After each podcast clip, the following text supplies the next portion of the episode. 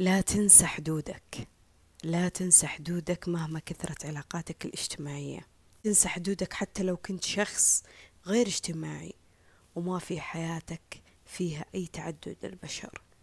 على فكرة في مصطلح دارج كثير من الناس يقولوا وأنا يمكن قلت لكم في مواضع معينة في مقاطع معينة. تحمل مسؤولية نفسك. تحمل مسؤولية نفسك. شيل مسؤولية نفسك شيل تحمل مسؤولية قراراتك واختياراتك وأفكارك في الحياة. تحمل المسؤولية بعض من الناس فهمت هذا المصطلح بطريقة غلط. تحمل المسؤولية ما يعني إنك توقف عطاء مع الناس. تحمل مسؤولية نفسك ما يعني إنك توقف مشاركة وتعاون مع الناس.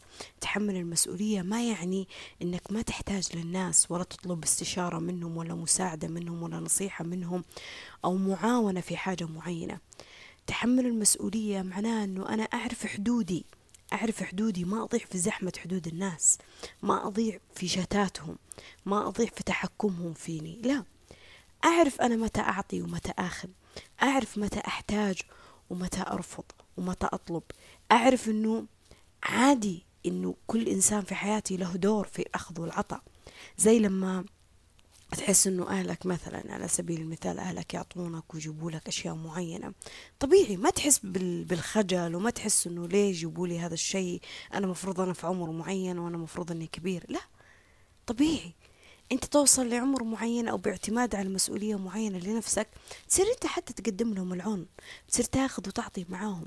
وأنا أتكلم في الأخذ والعطاء مو بس بالأشياء الملموسة والمادية والكمالية لا أنا أتكلم حتى في الأشياء المعنوية والروحي والروحية والنفسية.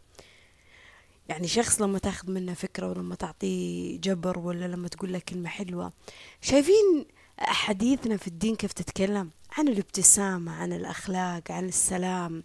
عن إماطة الأذى. هذا إيش معناها؟ معناها أنه أنا أوكي أتحمل مسؤولية نفسي. أنا أتحمل مسؤولية نفسي في أني أنا مثلا ما أرمي الزبالة على الأرض أو ما أشوه مثلا آه، البيئة مثلا. لكن في نفس الوقت لو كنت ماشي في طريق طيب أنا عارف حدودي وعارف حدود نفسي لكن لما أكون ماشي مثلا في طريق ولقيت مثلا علبة فيها قزاز مثلا على الأرض فشلتها ورميتها في في في الزبالة الكبيرة مثلا يعني وأنتم بكرامة. هذا معناه إني أنا سويت إماطة. أذى عن الطريق إن واحد ممكن يجي سواء كان إنسان ولا حيوان و... وخرت عنه أذية ممكن إنه تتسبب في جرح عميق مثلا لها أو أذية في جسدها مثلا. فهنا أنا تحملت مسؤولية نفسي صحيح لكن ما وقفت تعاون مع الناس ما وقفت تعاطي مع الناس ما وقفت ابتسامة مع الناس مع الناس ما وقفت حتى أخذ وعطى مع الناس. افهمني ترى أمر مرهق جدا. لو كنت تفتكر أن كل شيء باتكالية واعتمادية تقدر تسويه لحالك. لا يا عمي ما تقدر. لا يا عيني لا يا روحي ما تقدر. أنت إنسان. أنت تحب تاخذ وتعطي مع الناس تحب تنسجم مع الناس تحب تطلع مع الناس. في فقد للناس. يعني حتى أنت لما تبغى تطلع مكان تبغى يكون في ناس. أنت لما حتى تدور الهدوء برضو الهدوءك لازم يكون في ناس. انت لما تشوف فيلم ولا مسلسل يكونوا في ناس أوكي أنا أبغى أشيل مسؤولية نفسي مثلا ماديا أو بأشياء معينة أو باهتمام في أشياء معينة أو بقرارات أخذها أو بحث عن أحلام وسعي في أشياء معينة. لكن لكن في بين دعواتنا لما ندعي لشخص معين والملائكة ترد علينا فيه وتقول لك المثل هذا أكبر دلالة على أنه حتى في ظل تحملك لمسؤوليتك ومعرفتك لحدودك طيب أنت ما وقفت عطا مع الناس. في ناس سيئة؟ إيه في ناس سيئة أنا معك لكن في ناس جيدة. في أشياء ما تسوى؟ أوكي بس في أشياء تسوى. لغة التعامل مع الحياة والبشر وكل حاجة جالسين نعيشها ترى مي بس هي للأشياء اللي قدامك يعني الأجساد اللي قدامك والأرواح اللي قدامك هي شيء أعمق لأنك أنت تتعامل مع الله فيها. فمو عيب ولا غلط ولا عار ولا نقص ولا ضعف ولا خجل ولا شيء راح يمس كرامتك ولا كبريائك ولا شيء راح يهز من أي حاجة آه، عميقة فيك. لما تحتاج للناس ولما تطلب الناس ولما تطلب عون من الناس ولما تتشارك مع الناس ولما تاخذ وتعطي مع الناس ولما الناس توقف معك لأنه إحنا دائما ندعي الله أن الله يسخر لنا الناس. مو بس يسخر لنا آه الأحداث الحلوة والأخبار الحلوة إحنا حتى نطلب الله يسخر لنا الناس الطيبة والناس الكويسة. فاستقبل الخير من الناس استقبل الفرحة من الناس استقبل البهجة من الناس استقبل معاونتهم اقبل دعمهم لك ماديا نفسيا معنويا. آه، استقبل عطائهم استقبل حبهم. خذ معهم بطاقة حلوة. وفي نفس الوقت أعطي هذه الطاقة لناس ثانية. آه، يعني آه، لغة الاعتمادية خلتنا نحس إنه كأننا نبغى نمشي في نظام قاسي جدا إنه لا أنا بس أبي أكون لنفسي وأنا أعيش لنفسي وأنا ناني وأنا أتحمل مسؤولية نفسي وأنا أتكل على نفسي.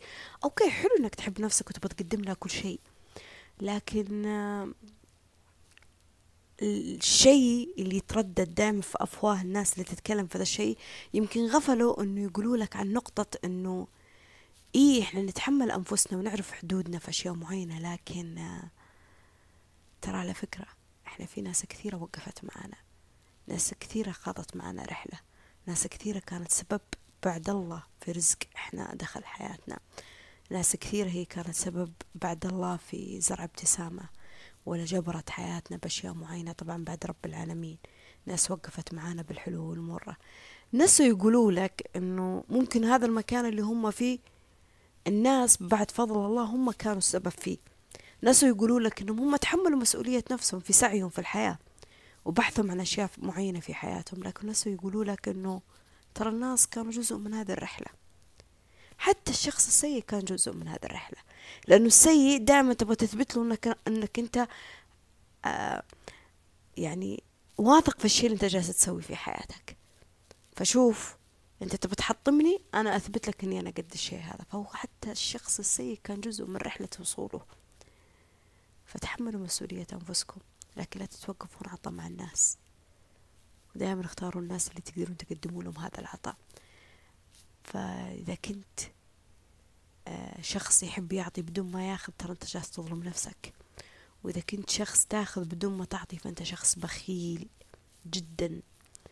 فحاول تكون متوازن تاخذ وتعطي مع الناس بمشاعرك بفكرك بدعمك. بأخلاقك بلسانك بتصرفاتك بسلوكك باللي تقدر عليه حتى بأبسط الأشياء. المهم اعرف حدودك. تحمل مسؤولية نفسك لكن لا تتوقف عن الأخذ والعطاء مع الناس. إحنا بحاجة للناس والناس بحاجة لنا.